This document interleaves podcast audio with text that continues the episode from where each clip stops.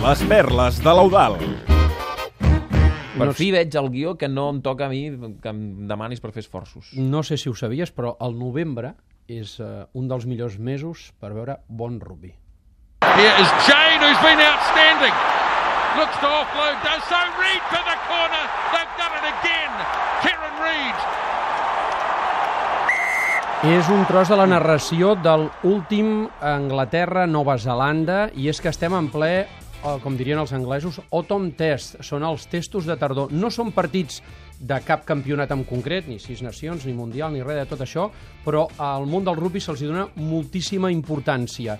Cada mes de novembre, les millors seleccions de l'hemisferi sud juguen contra les de l'hemisferi nord. Juguen 3-4 partits durant aquest mes. Ara, per exemple, aquest any les eh, seleccions de l'hemisferi sud han pujat a jugar a Europa.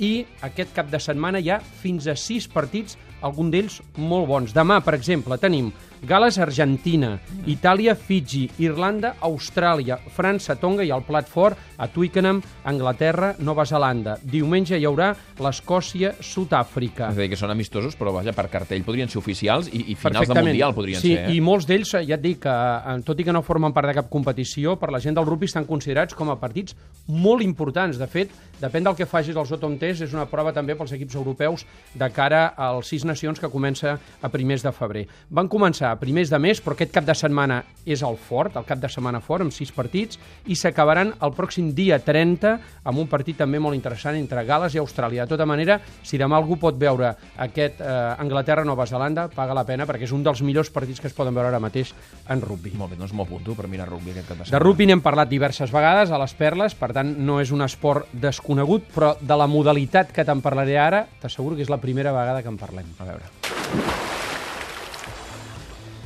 No sé si has fet mai o saps què és la natació amb aletes. Bueno, m'ho puc imaginar. T'ho pots imaginar. No, no. Doncs bé, A qui la platja ho he fet. Mira, qui ho vulgui veure, qui ho vulgui veure de prop, per exemple, demà a les 3 de la tarda a l'Associació Esportiva Bellesport, les piscines municipals d'Hospitalet, es fa la primera jornada de la Lliga Catalana de Natació amb aletes. La natació amb aletes és una, una modalitat subaquàtica, no pertany a la Federació Catalana de Natació, sinó a la Federació d'Activitats Subaquàtiques de Catalunya. Va ser inventada a l'Europa de l'Est als anys 60 i es pot fer o bé en piscina o bé en aigües obertes.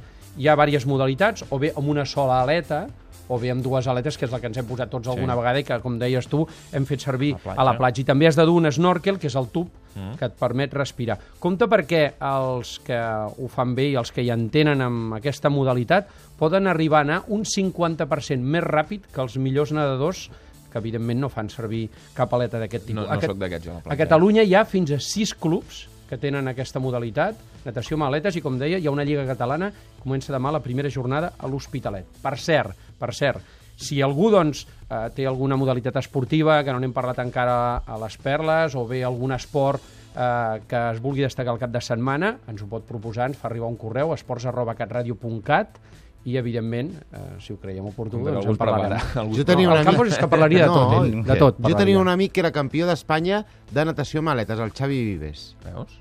Si ens escolta, Amb que monoaleta truqui, perquè fa o- anys que no el veig. Amb vialeta o amb monoleta? No ho Perquè sé. això no... Aleta. Mira, li preguntes i a veure no? si...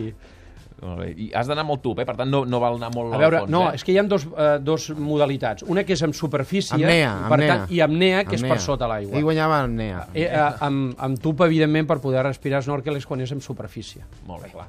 Doncs escolta, em queda clar. Avui dues perles de l'Eudal per eh, començar aquest cap de setmana. Per cert, està espectacular el partit entre Portugal i Suècia. S'han jugat 10 minuts de la primera part i hi ha hagut dues oportunitats claríssimes, una per Portugal i una per Suècia. De moment el resultat és d'empat a 0, però les dues seleccions han sortit... Eh, primer Portugal, que és qui ha dominat els primers minuts amb, amb bones oportunitats, però després Suècia, amb un parell de contraatacs, ha posat la por al cos als portuguesos, que de moment no les tenen totes. 0 a 0, 10 minuts de la primera part i de moment una oportunitat clara per cadascú. Falten 5 minuts per arribar a les 9.